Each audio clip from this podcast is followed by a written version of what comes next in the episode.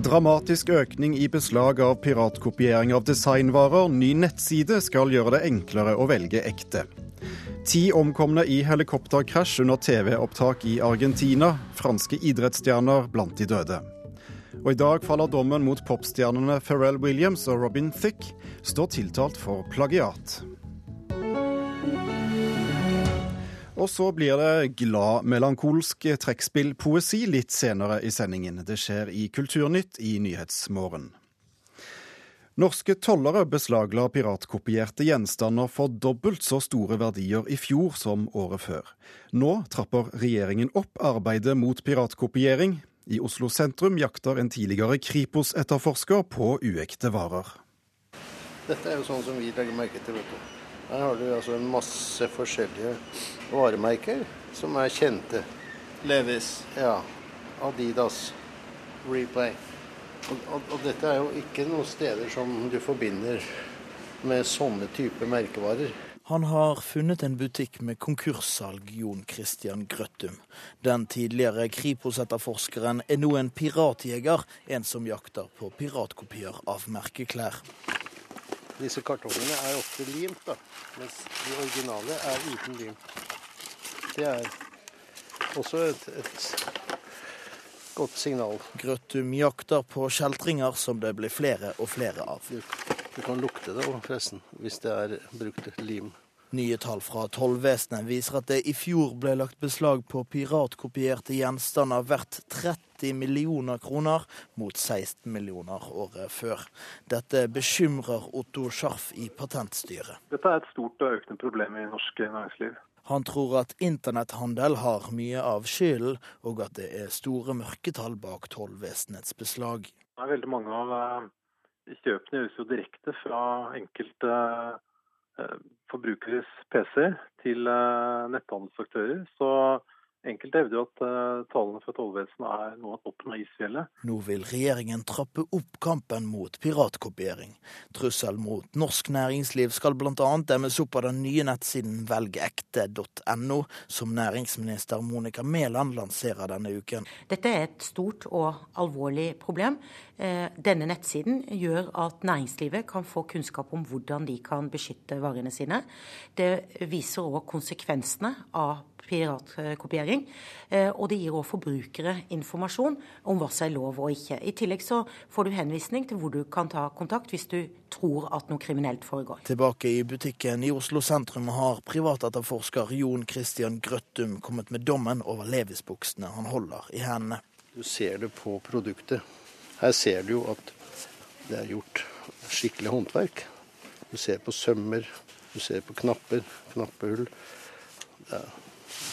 Jeg ser ikke noe grunn til å lage noe mer ut av dette. Kunne du kjøpt den, der? Ja. Ja, det sa til slutt privatetterforsker eh, Jon Christian Grøttum. Reporter var Adrian Nyhammer Olsen. Trygve Gravdal, advokat for uh, Moods of Norway. Hva er det største problemet knyttet til uh, piratkopiering for designere som, som, Moods of Norway? Det er jo salg av uekte produkter. I, og for Moods of Norway sin del så er det spesielt salg i turistdestinasjoner. Tyrkia, Spania og Hellas, men også over internett og sosiale medier. Piratkopiering det ligger jo i ordet, det, det er ulovlig. Hvordan foregår det i praksis? Det foregår ved at man tar et varemerke, og så starter man en produksjon i et lavkostland gjerne. Uh, for deretter å sende disse produktene videre til selgere i butikker eller på gaten. De som kjøper piratvarer, tenker kanskje at de uansett ikke ville ha kjøpt uh, en ekte Moods of Norway-genser. Hvordan ødelegger det likevel for dere at dette skjer?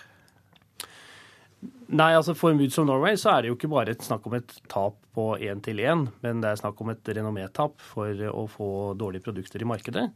Uh, og i en del tilfeller så er det folk som da tror at de har kjøpt et ekte produkt. Uh, hvis man skal ta de som faktisk står bak dette her, hva må til da? For Moods of Norway sin del så har vi hatt en ganske suksessrik historie i Tyrkia, som er et produksjonsland. Og da har vi samarbeidet bl.a. med en stor annen merkevareinnehaver i Norge, Bergans. Og Da har vi gått inn og kjørt raid med privatetterforskere og advokater og myndighetsbistand i Tyrkia. En stor og kostnadskrevende prosess, høres det ut som? Det koster mye penger, men det er det verdt. Det koster mer penger å la piratene få lov til å kopiere. På hvilken måte tror du en nettside som Velg ekte som nå kommer, kan hjelpe? Jeg tror at det er en, et behov for å bevisstgjøre eh, forbrukeren på hva det innebærer å handle piratkopier. Eh, det er et eh, betydelig kriminelt nettverk som står bak nesten alle piratkopier. Og det å få synliggjort det, slik at man unnlater å handle piratkopier, tror jeg er veldig bra. Ja, Hvordan bør egentlig kundene forholde seg? Bør de være, er de egentlig klar over at de kjøper piratkopier? I, en, I mange tilfeller så tror jeg de er klar over at det er piratkopier, men jeg tror ikke de er klar over de forholdene som ligger bak, og de er heller ikke klar over hva slags produkter de kjøper. Eh, for eh, Moods of Norway sin del, som da er klær, så vil det selvfølgelig være problemer knyttet til allergier, til helseskadelige stoffer i klærne, eh, men også dårlig kvalitet. Og man mister altså da denne garantifunksjonen som ekte varer har, nemlig det at hvem har produsert det, og hvem kan jeg gå til dersom noe skulle være galt. Trygve Gravdal, advokat for Moods of Norway, tusen takk skal du ha.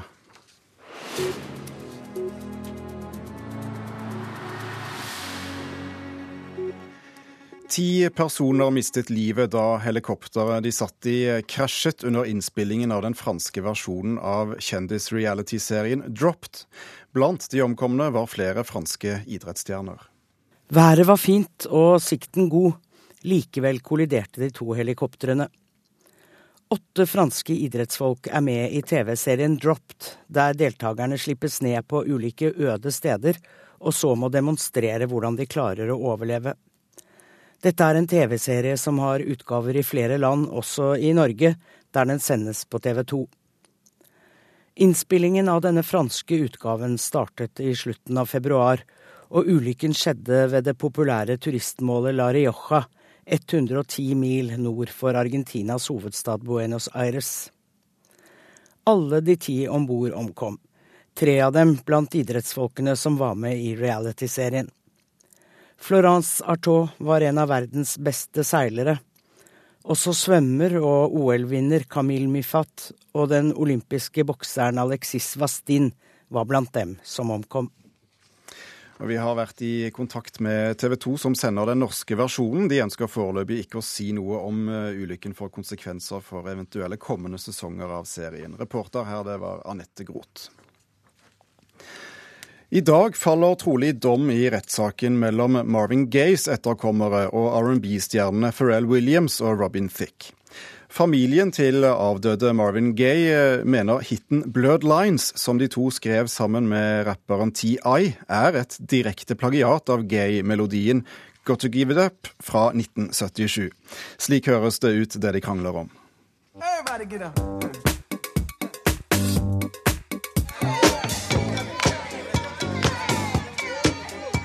Det er ingen tvil om at rytmen i Blurred Lines ligner veldig på rytmen i Marvin Gaye-låta 'Got To Give It Up'. Thick og Farrell har i retten nekta for å ha plagiert sangen, men innrømmer at de elsker Marvin Gayes musikk, og at de er inspirert av låta 'Got To Give It Up'.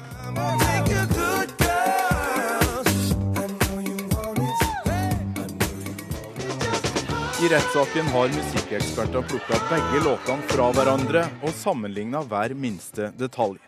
Advokaten til Robin Thicke og Farrell Williams sa i sin prosedyre at Marvin Gayes familie ikke eier grooven eller sjangerkonvensjonene i låta fra 1977. De håper dermed å få beholde de 130 millioner kronene som låta 'Blurred Line' skal ha generert av inntekter.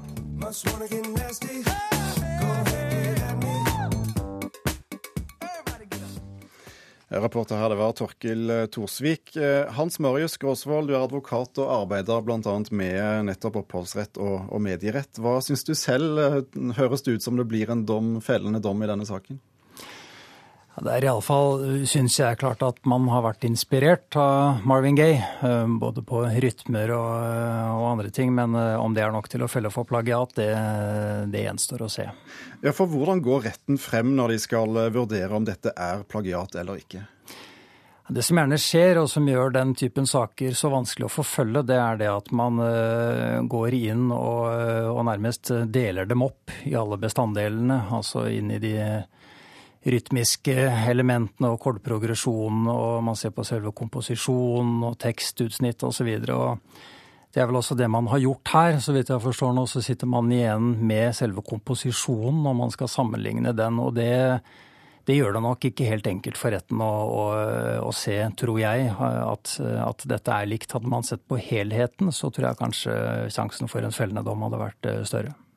Eh, dette skjer i USA, der det sitter en jury og skal bestemme. og Juryene består av vanlige folk. Er de kompetente til å ta en slik avgjørelse? Ja, Vi får jo håpe det. altså Juryen gjør ikke dette her helt alene. Det er også fagdommere som eh, hjelper dem, og som bl.a. forteller dem om hvordan eh, jussen skal, skal, forstås. Men det er klart, nettopp kanskje en, en, sak som dette her er noe som også egner seg for folk flest, i anførselstegn, til å mene noe om. Så det, det, er for så vidt fint, det tror jeg, at det også er vanlige folk som skal se på dette. her, Men her har det også vært eh, musikkvitere og andre musikkfaglige inne, så det er ganske mange som har ment noe underveis om, eh, om denne saken. Er dette et amerikansk fenomen, popens og uh, rockens hjemland, eller eh, har vi eksempler på dette, at det skjer plagiatsaker også i Norge? Det er veldig få saker i, i, Norge på dette. Vi hadde jo for noen få år siden en sak mellom Rune Lindbekk og, og Røyksopp, som etter hvert endte i et forlik. Eh, og det den saken nok illustrerte, er, eh, er hvor vanskelig det er å, å, eh, håndtere sånne saker i rettsapparatet. De er ressurskrevende å gjennomføre. Det tar mange dager å være i rett, og det koster mye. Jeg tror nok det at hvis du hadde tatt en spørrerunde på Bylarm nå i forrige uke blant artister og komponister og andre, så er det ganske mange som hadde kunnet fortelle en og annen historie om deres låt som ble, ble stjålet. Så at, at, det er et problem også her i Norge, det er det. Men uh, ja, jeg tror kanskje norske artister og komponister lever greit med, med tingene sånn som de er. Tror du Pharrell og Thick angrer seg nå når at de la sangen så tett opp til Gays låt, enten de nå er skyldige eller uskyldige? Jeg tror kanskje de angrer på noen uttalelser som de kom med i mediene tidligere, i hvert fall, hvor de jo eh, sa ganske tydelig at her var de inspirert av, av Gay. Hans Marius Gåsvold, tusen takk skal du ha for at du var med oss i Kulturnytt. Du hører på Nyhetsmorgen i NRK P2 og Alltid nyheter. Klokken har blitt kvart over åtte, og dette er eh, nyhetsoverskriftene nå. Norwegian-streiken fortsetter. Nesten alle Norwegians innenriksfly er innstilt, også i dag. Skatt på eiendom må opp, bedriftsskatten må ned, krever NHO. Og mannen som var eh, etterlyst for å ha drept restauranteier eh, Mohammed Arshad i Oslo for to år siden, er arrestert i Pakistan i natt. Det melder TV 2.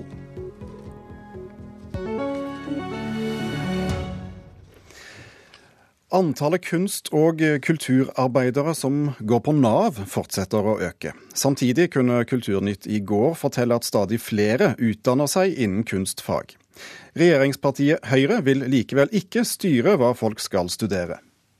Men jeg tror veldig lite på at vi kan sitte på Stortinget eller i regjeringen for den saks skyld og begynne å diktere hva folk skal bli. Henrik Asheim er utdanningspolitiker i Høyre.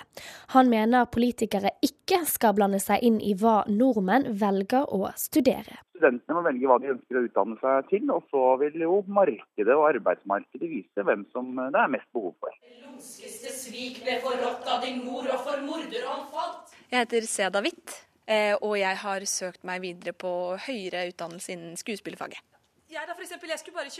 I går kunne NRK fortelle at 10% flere tar studier innen design, utøvende musikk, scenekunst og visuell kunst enn for fire år siden. Nå viser ferske tall fra Nav at arbeidsledigheten blant kunst- og kulturarbeidere øker. Bare fra februar i fjor til februar i år har antallet som mottar dagpenger i denne gruppen, økt fra 640 til 700. Bård Kleppe i Telemarksforskning mener rekrutteringen til de kreative fagene må reguleres for å snu denne negative trenden. Si, er det moralsk riktig å begrense muligheten til å bli kunstner, men samtidig også, kan man også spørre er det moralsk riktig å utdanne veldig mange mennesker til eh, arbeidsledighet eller eh, dårlige lønnsvilkår?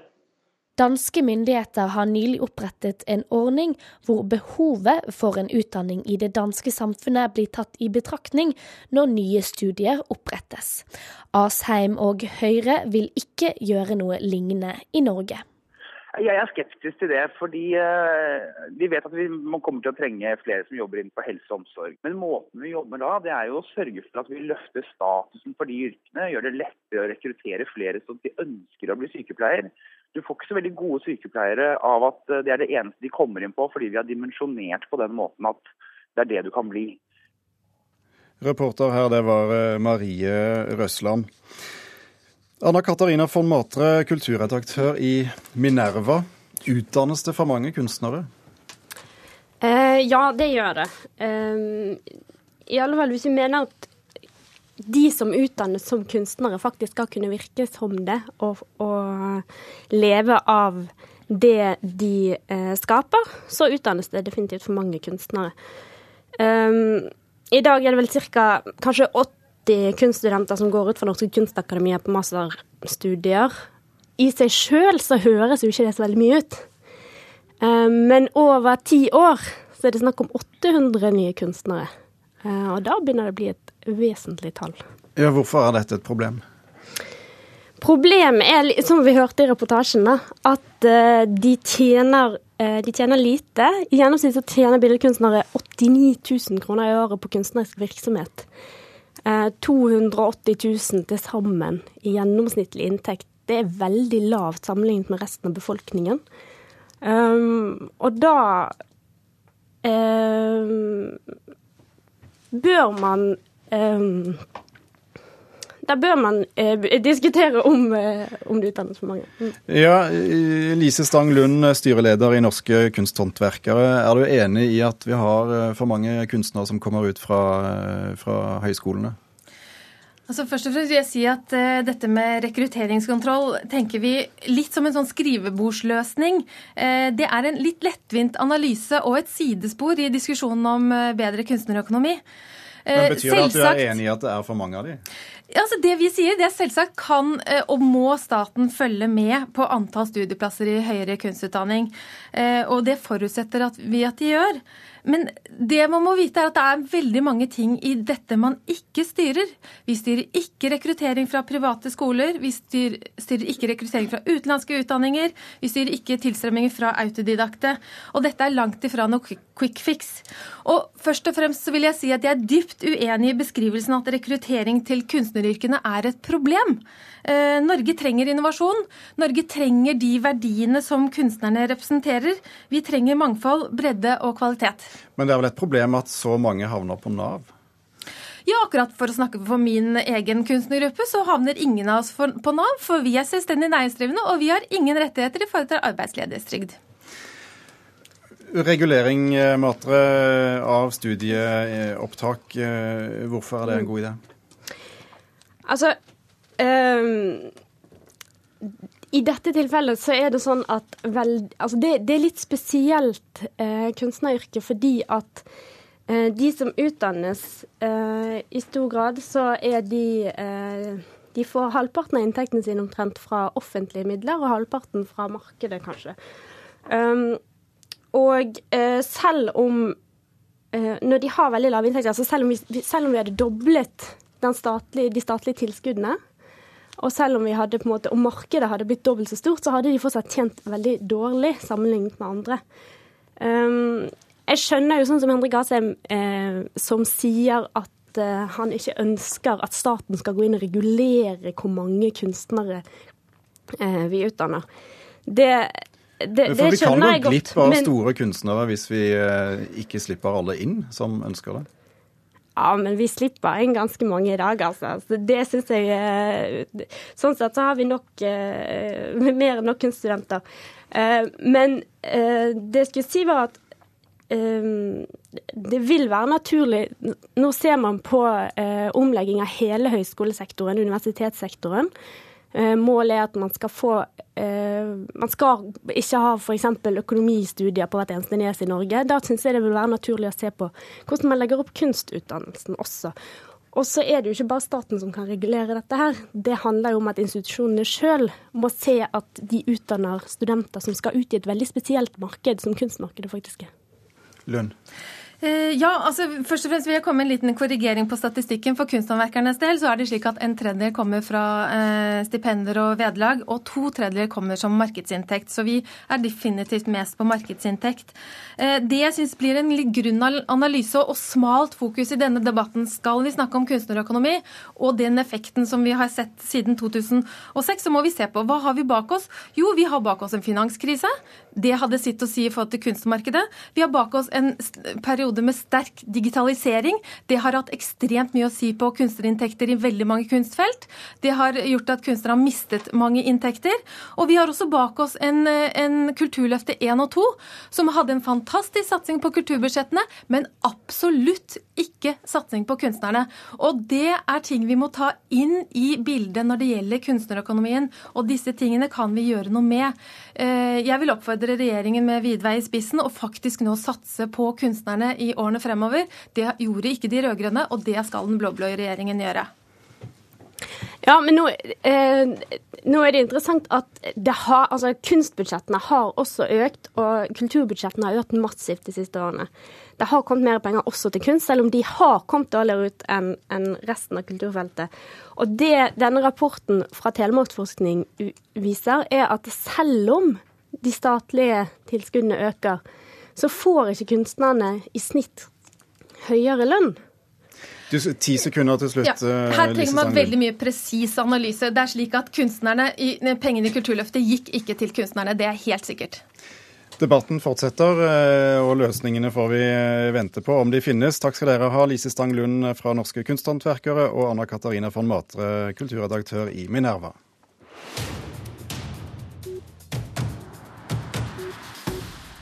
Vi skal ha litt eh, gladmelankolsk trekkspillpoesi i Kulturnytt. For slik beskriver vår anmelder tonene eh, på den siste platen til trekkspiller Linda, Linda Gytri og hennes trio. Melodiene har dybde, selv om de kan virke enkle og nesten litt eh, naive. Glade er de også, men ikke bare. En spesielt god plate, mener Kjetil Bjørgan.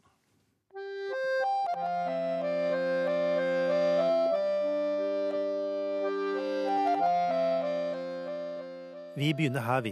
Olderdalen, hjemplassen til Linda Gytri. Stryn kommune, Nordfjord. Helt innerst i Nordfjord. Et sydvendt dalføre omkransa av fjell. Der vokste hun opp, og der vokser det fram musikk når Linda Gytri er der. For dette er en musiker som lar seg inspirere, også av mørket. Når fjellene, tre måneder om vinteren, dekker for sola. Når hun og mange av de andre som bor der, venter på våren, da dukker det opp en lengtelott etter sol og sommer. Derfor heter også denne låta Ra etter solguden.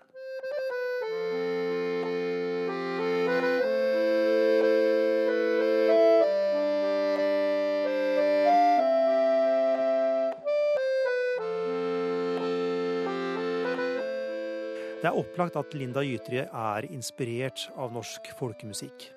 Hun har studert sjangeren, men musikken kom egentlig også ganske seint til henne i livet, og på mange måter hører jeg inspirasjon fra så mange kanter. Men det norske ligger i takten, i noen skarpe kanter, markeringer i drivet framover. Som lytter får jeg noen ganger følelsen av at jeg tjuvtitter på en dansefest, men at noen tar tak i hånda mi og river meg ut på dansegulvet. Og hele denne dramatikken skjer gjerne i én og samme melodi. For i det ene øyeblikket er tonene direkte og brutale. I neste varsomme, nesten litt melankolske.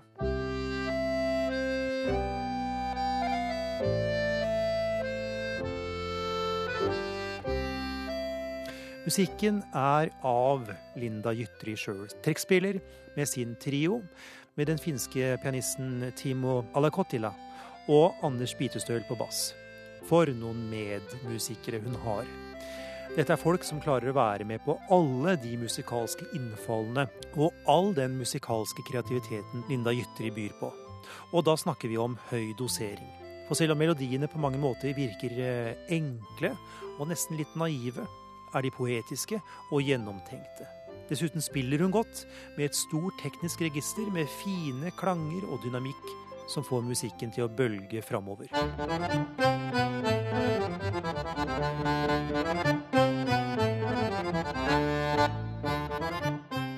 Det er det sangbare i musikken som er det beste. Melodiene sitter umiddelbart i øret. Og nå passer det å slå et lite slag for det fysiske formatet. CD-en inn i spilleren og coveret i hånda. Lukten av papir og de små historiene Gytri skriver til hver låt. For mens hun gir oss noen musikalske bilder av sin hverdag, kan også teksten hun skriver til låtene, bidra til retningen gjennom musikken. Om hun dama som heter Lillian, som kan trylle med symaskinen. Om indisk eh, mygg og en liten strand på Shetland som heter Tarlan. Og Gabriel i glasskarmen. Eller kyr i veien, varme, biler i alle retninger. Så musikk blir til i indisk trafikk.